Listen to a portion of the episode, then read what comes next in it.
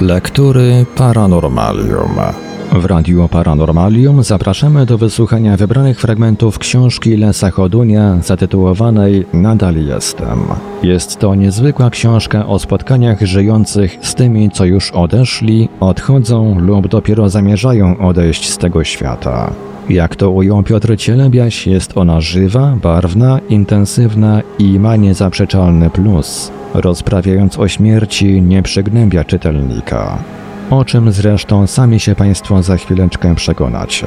Do niewątpliwych zalet można również zaliczyć to, że reedycja książki ukazała się również w wygodnej wersji elektronicznej. Zapraszamy zatem do słuchania. Mamy nadzieję, że prezentowane dziś fragmenty zachęcą Państwa do zapoznania się z całą książką.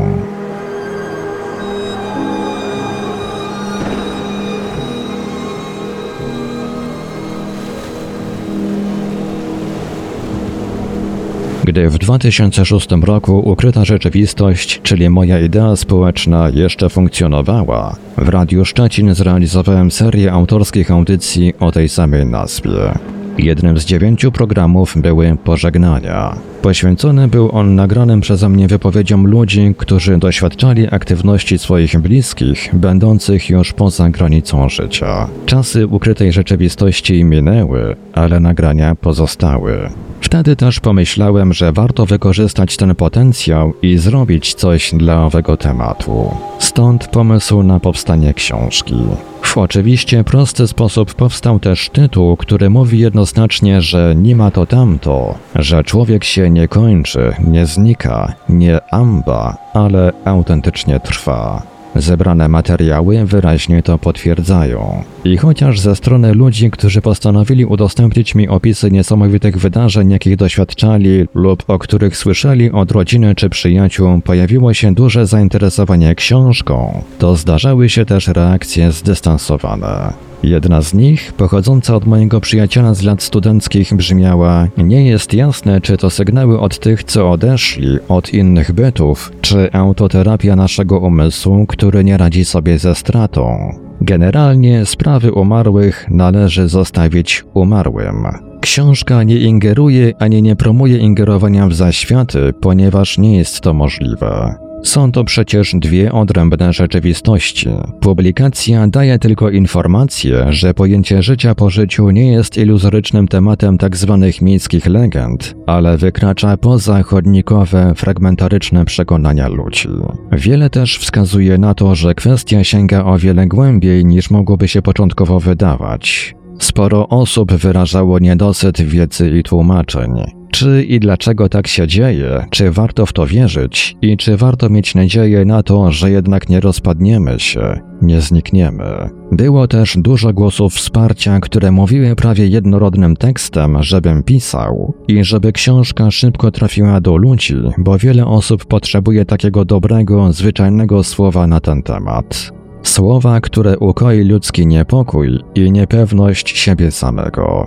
To, w jaki sposób historie te były mi opowiadane, czyli emocje, które rozadrganiem wypełniały moich rozmówców, potwierdzało, że jest inaczej niż głoszą to światłe umysły świata. Reakcje rozmówców mówiły, jak bardzo prawdziwe dla nich były to doświadczenia. I ja to w trakcie rozmów wyraźnie odczuwałem. Oznacza to, że nie można mówić o chęci zyskania poklasku i popularności opowiadaniem takich dziwnych rzeczy. Jak umiesz patrzeć, to czujesz i wiesz, na ile prawdziwe jest to, co jest ci przekazywane. Dlatego też nie każda zasłyszana opowieść trafiła do książki. Dziękuję wszystkim, którzy zgodzili się opowiedzieć mi o swoich, ale nie tylko osobistych historiach. Każda z nich jest inna, ale jednocześnie niesie wartościowe przesłanie, że jednak jest coś więcej. Dzięki Wam wiem więcej nie tylko ja sam, ale dowiedzą się też inni, którzy przeżywając takie rzeczy być może zastanawiają się niejednokrotnie, czy aby z ich umysłem wszystko jest ok. Zapewniam, że tak.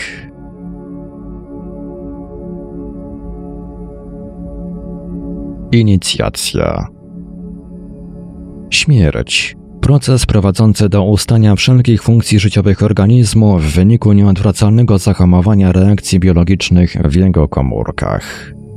Śmierć mózgu. Śmierć, której bezpośrednią przyczyną jest utrata kontroli nad podstawowymi procesami fizjologicznymi. Trwałe wygaśnięcie wszystkich integracyjnych czynności mózgu, śmierć pnia mózgu, uznawane jest obecnie za podstawę uznania osoby za zmarłą. Encyklopedia PWN Według współczesnej medycyny człowiek, którego mózg i serce przestają pracować, po prostu przestaje żyć, co w szerszym pojęciu oznacza, że przestaje istnieć jako osobowość. Po ustaniu funkcji życiowych pnia mózgu jednostka ludzka trafia do piachu i tam jej historia się kończy, rozpada, znika. Nie ma człowieka, nie ma osobowości, nie ma świadomości. Jeden z szacownych profesorów medycyny, znany mi osobiście i przeze mnie lubiany oraz szanowany, pracujący aktywnie jako chirurg, stwierdził w rozmowie ze mną, że przecież człowiek to tylko worek z mięsem i kośćmi, więc nie ma powodu, aby dorabiać do tego jakieś wydomane ideologie. Ta, jasne.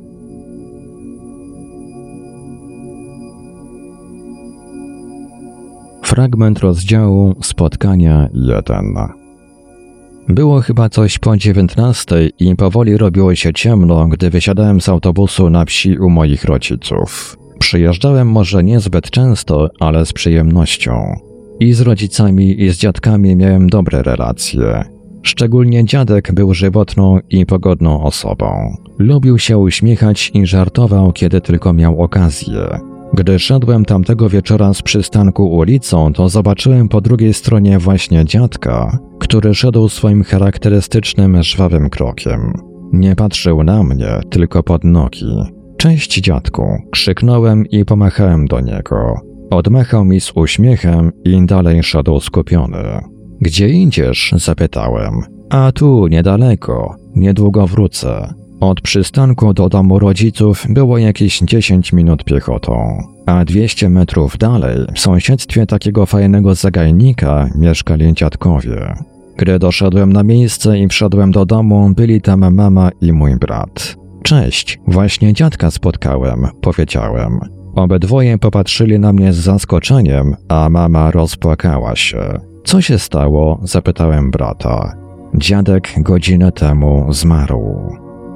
Ileż to razy wydarzają się sytuacje tego typu lub podobne? Ile osób bezpośrednio lub pośrednio doświadcza okoliczności jak te opisane powyżej? Jeśli jeszcze nie spotkało cię coś takiego, jest duża szansa, że możesz to przeżyć. Przecież każdy ma kogoś bliskiego, czy to będzie rodzina, czy przyjaciel. No chyba, że żyjesz tak, aby zrażać do siebie ludzi i nie masz ani rodziny, ani przyjaciół. No to sorki. Bliskie relacje, szczególnie gdy są życzliwe, skutkują niezwykłymi chwilami. Potrafią wydarzyć się wówczas sytuacje zaskakujące i wykraczające poza tzw. Tak zdrowy rozsądek, a jednak prawdziwe i potwierdzone bezsprzecznymi faktami.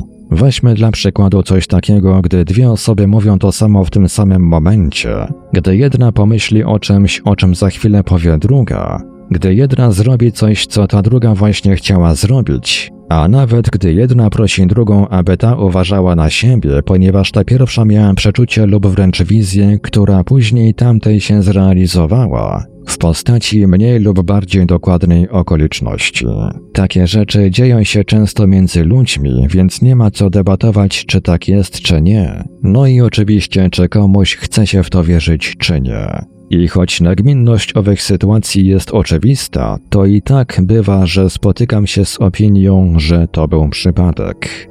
Ta, jasne. Ale relacje żywych między sobą to jedno, a spotkania żyjących z tymi, co już odeszli, dopiero zamierzają lub właśnie odchodzą, to trochę inna para kaloszy.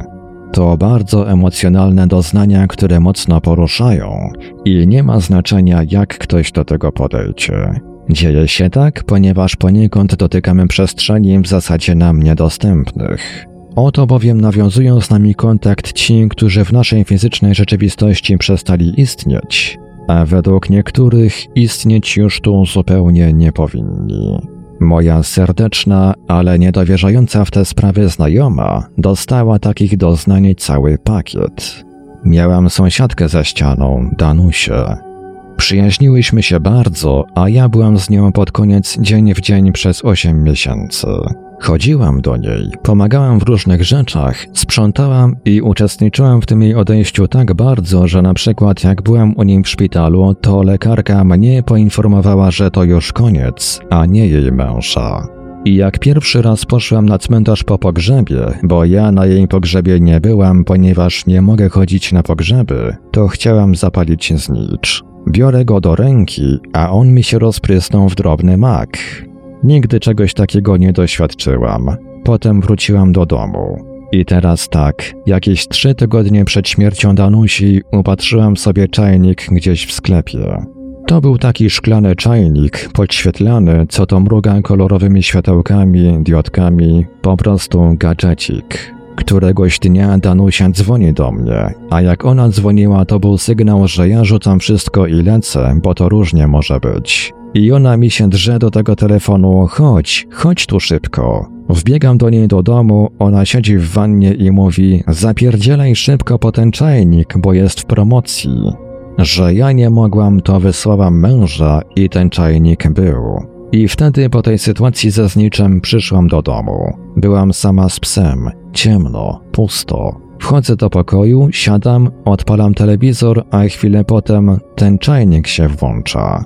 W kuchni ciemno, nie wchodziłam tam jeszcze.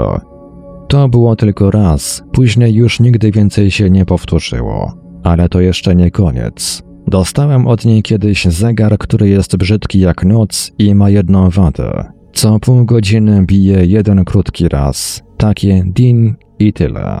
I to jest tak, że tego nie da się naprawić. Ale na przykład, kiedy ma się zadziać coś dla mnie przykrego, to on bije tyle razy, ile trzeba. Możesz mi to wyjaśnić? Ostatnio kłóciłam się z mężem przez telefon, bo z nim to jest trochę nieciekawa sytuacja i nie mogłam rozmawiać, bo ten zegar napięprzał jak głupi. I ja czuję, że ona jeszcze po coś ze mną jest, że towarzyszy mi do pewnego momentu. A jak coś się zaczyna dziać, to ja mówię tylko: Aha, Danusia, wyluzuj. Dokładnie po tym zwrocie, po około półgodzinnej rozmowie telefonicznej, piesek mojej rozmówczyni zaszczekał w jej stronę. Rozmawialiśmy jeszcze kolejne pół godziny, ale piesek nie odezwał się już ani razu. Przypis redakcyjny. Standardowy zjadacz chleba powszedniego nierzadko uważa, że po śmierci człowiek przestaje być, znika, nie ma go, amba normalnie. Czyli zwyczajnie chemia robi takie hokus fakus i się pono rozpływamy w powietrzu. W pewnym sensie oczywiście, bo przecież jest jeszcze fizyczny rozkład ciała, który zajmuje trochę czasu. Skąd takie przekonanie owego zjadacza, skoro religia, którą tak mocno wyznaje, kreuje i karmi go wizją nieba, raju, wiecznego życia? Bo chyba oznacza to, że nie ma owego nul, tylko jakieś afterparty jednak jest. Nieraz bywa, że jeden czy drugi zjadacz głośno broni tych swoich racji, zapewne tylko po to, aby mieć rację. Chodzi mi naturalnie o uznawanie i wyznawanie promowanej w świątyniach opcji pójścia do nieba. Czy taka jednostka robi to tylko dlatego, że tak każe jej religia, tradycja, ogólnie wyznawany system przekonań, czy cokolwiek innego, co na ślepo potrafi mentalnie związać takiego zjadacza? A może robi w ten sposób, ponieważ tak robią wszyscy i on też nie chce odstawać od ogółu, bo przecież co powiedzą inni? Ale w kilka chwil potem ów zjadacz jest w stanie czasem dać ci nawet wpysk, gdy będziesz mówić mu o życiu po śmierci. I choćbyś przedstawiał mocne argumenty, opowiadał zaskakująco wiarygodne historie, nawet z własnego doświadczenia, to i tak opcja dania wpysk jest dla niego nie tylko bardziej wytłumaczalna, ale przede wszystkim o wiele przyjemniejsza. Cóż, widocznie jaka zawartość umysłu, taka przyjemność. Czy zatem taka niespójność w przekonaniach jednego i tego samego umysłu jest ok? A może wyznawcy wszelakich systemów mówiących, że przecież nie musisz myśleć, bo my wiemy jak jest naprawdę, i tak wiedzą, że ta wiedza jest niewłaściwa, lecz mimo to kultywują ją, bo wymagają tego od nich zasady ich wiary. Pojęcia nawet bladozielonego umienia niet. Ale pomijając już takie dywagacje, Jeśli według niektórych człowiek zaraz po śmierci znika, czy się rozpada, rozpływa lub jakkolwiek to nazwiemy, to jakim cudem znowu się pojawia? I przede wszystkim, po co zmarły miałby fatygować się z powrotem na świat? Pamiętajmy, że rzeczy dzieją się z konkretnego powodu, więc potrzeba kontaktu także musi być uzasadniona. Niekiedy, jak to miało miejsce w przypadku opowieści mojego zaufanego kolegi, trudno jest odczuć powody wizyty. Być może dlatego, że osoba, na którą trafiło, nie wykazuje specjalnych przekonań co do występowania takich zdarzeń. Jak byłem na pierwszym roku studiów, zmarł mój tato. W międzyczasie kupiliśmy sklep i ja w tym sklepie siedziałem do późnych godzin wieczornych. Któregoś dnia jestem w sklepie. Jest cisza, nikogo nie ma, pozamykane. Siedzę sobie i czytam książkę, a tu nagle produkty zaczynają spadać z półek. I to nie to, że sobie spadły. To było tak, jakby je ktoś ręką zrzucił. Od razu wyraźnie poczułem tatę i powiedziałem mu, że to wcale nie jest śmieszne i żeby już tak więcej nie robił, bo jestem przerażony. No i na szczęście nic mi już takiego się nie przydarzyło.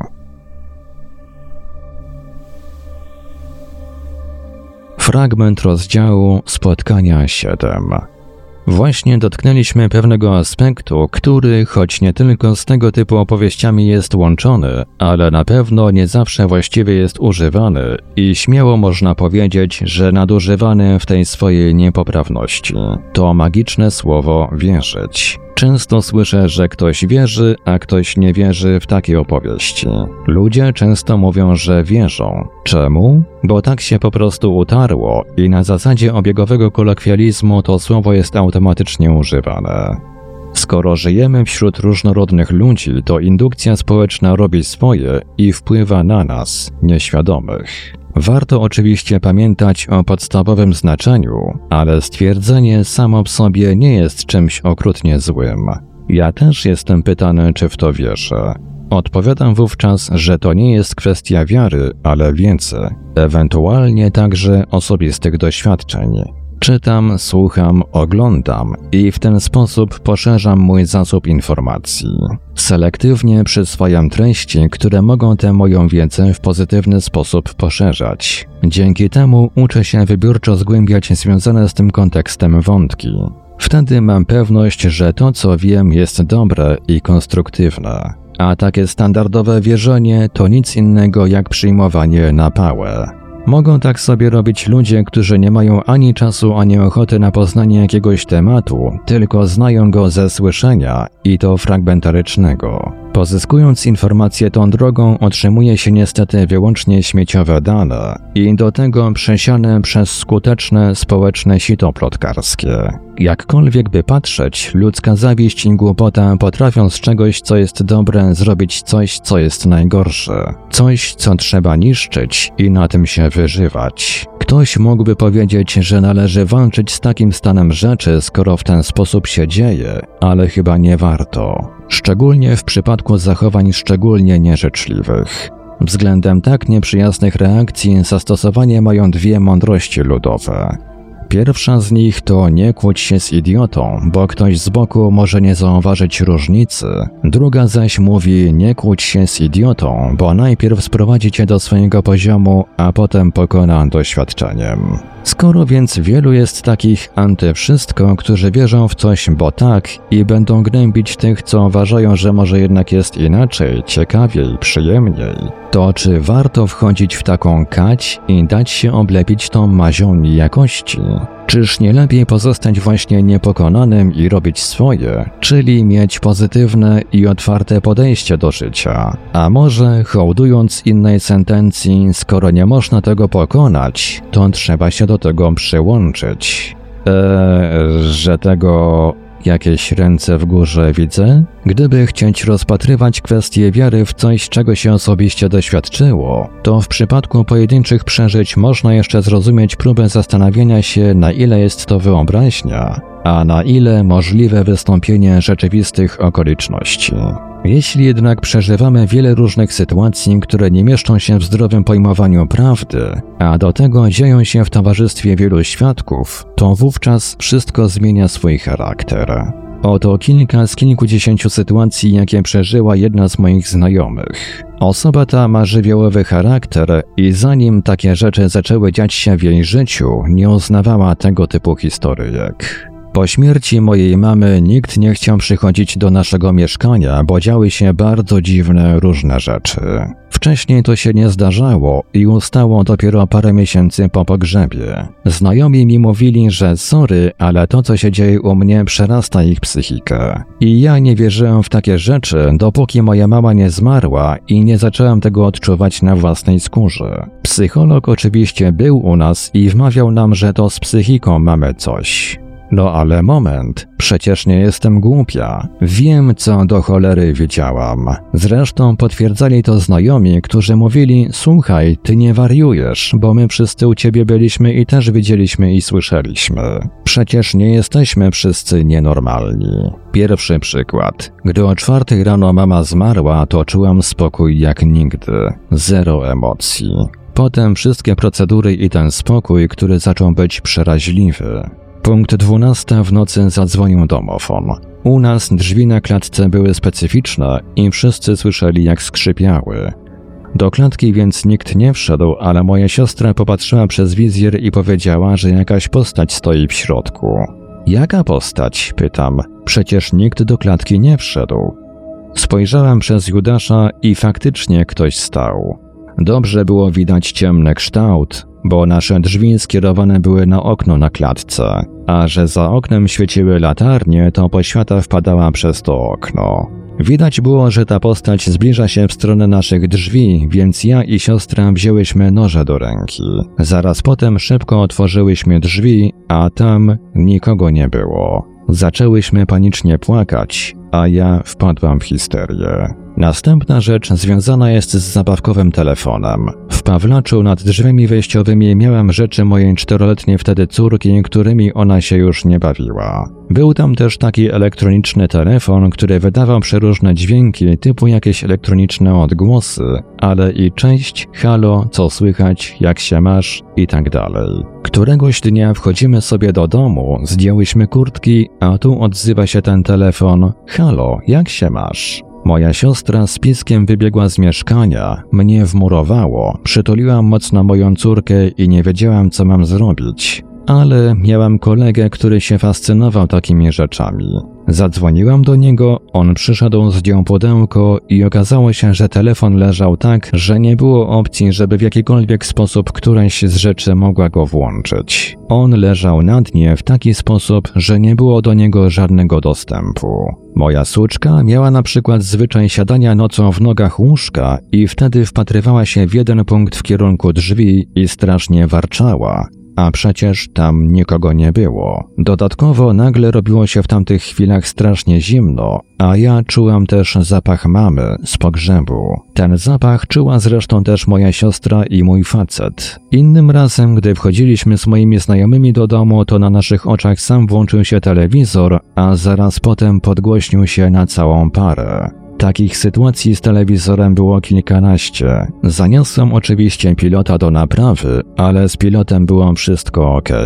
Moja siostra z kolei wezwała pana do sprawdzenia telewizora i tu też wszystko było w porządku. Samo też włączało i wyłączało się światło. Albo siedzimy ze znajomymi i oglądamy film. I w pewnym momencie jakby ktoś rytm wystukiwał o wannę. Nie, nie kapanie wody, tylko twarde dźwięki wystukiwania czymś. I rozumiesz, mój znajomy, umięśniony duży gość, który waży ze 110 kilo, mówi, że nie wejdzie i nie sprawdzi. Któregoś razu siedziałam z moją córką, przyjaciółką i jej synkiem i nagle z rury od kuchenki zaczął się wydobywać gaz. On buchnął po prostu i zaczęło śmierdzieć w mieszkaniu.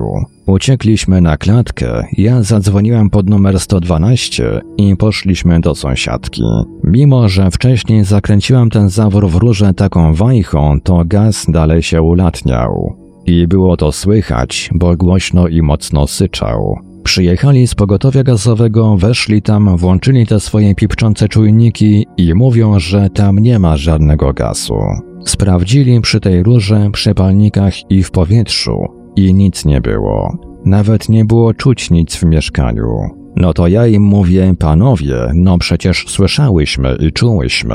Automatycznie zabrałyśmy dzieci i wybiegłyśmy na klatkę. Jakbym była sama, to może i pomyślałabym, że coś z moją głową nie tak, ale przyjaciółka była świadkiem, dzieci pobladły ze strachu, bo słyszały i czuły. No i także sąsiadka to słyszała. Raz jak tato był w domu, to miałem iść po córkę do szkoły. Wcześniej, jak szykowałem obiad, to tato poprosił, żebym mu włączyła koncert ZZ Top na laptopie. No to mu włączyłam i jak wychodziłam, to powiedziałam tylko, żeby sobie oglądał i nie dotykał niczego. Koncert miał jakieś półtorej godziny, a ja miałam wrócić za około 40 minut, więc spoko. Wracamy, a tato siedzi blady i nie ogląda. Chyba ci laptopa zepsułem, mówi. Jak zapytałam, co się stało, to tata powiedział, że zaraz jak pojechałam, to nagle obraz zaczął mu skakać, migotać. I było takie jakby szybko zmiksowane B, B, B, B, B. Potem laptop się wyłączył. Pytałam go, czy czegoś dotykał na laptopie, to powiedział, że nic, bo on się przecież nie znał na laptopie. I ja wiem, że jak mówił, że nie dotykał, to nie dotykał. Ja miałem wtedy kawalerkę z jakby aneksem kuchennym w przedpokoju. No i pewnego dnia siedzimy w pokoju ze znajomymi i nagle chochelka, która wisiała na suszarce, wpada nam do pokoju. Ona nie mogła się tylko zsunąć i spaść, bo to wyglądało jakby ktoś ją tam wrzucił. To był kawałek przecież stamtąd. Moja koleżanka z piskiem natychmiast spierdzieliła z domu, otwierając drzwi na oścież i drąc japę po całej klatce. Mój facet później rozstał się ze mną. Dlaczego? Właśnie ze względu na to, że takie dziwne sprawy działy się w mieszkaniu. Jak się później dowiedziałem, to on też uczestniczył w wielu takich sytuacjach, kiedy na przykład siedząc w nocy przy komputerze czuł za sobą wyraźną czyjąś obecność. I zimno oczywiście. Nie mówił mi o tym, bo nie chciał, żebym go wzięła za wariata. Czy intensywność takich wydarzeń potwierdzonych obecnością świadków, niekiedy wielu i do tego mających wpływ na tak zwaną materię nieożywioną, ktoś jeszcze chce wpychać do jednego tygla pod tytułem zwity? A może od razu zbiorowa halucynacja? Bo skoro jest wygodna regułka tłumacząca, to po co zajmować sobie głowę? Uważam, że pójście na taką łatwiznę to grzech zaniechania i jednocześnie brak szacunku dla człowieka, który takich okoliczności doświadcza.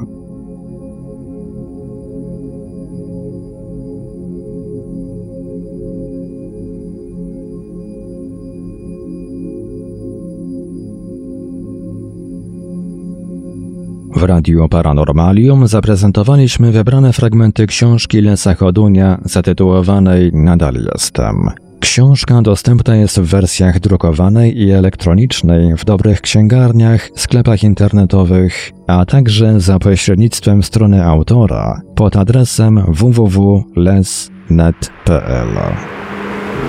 Wszystkie odcinki Lektur Paranormalium znajdziesz na naszym kanale na YouTube oraz w archiwum podcastów na www.paranormalium.pl.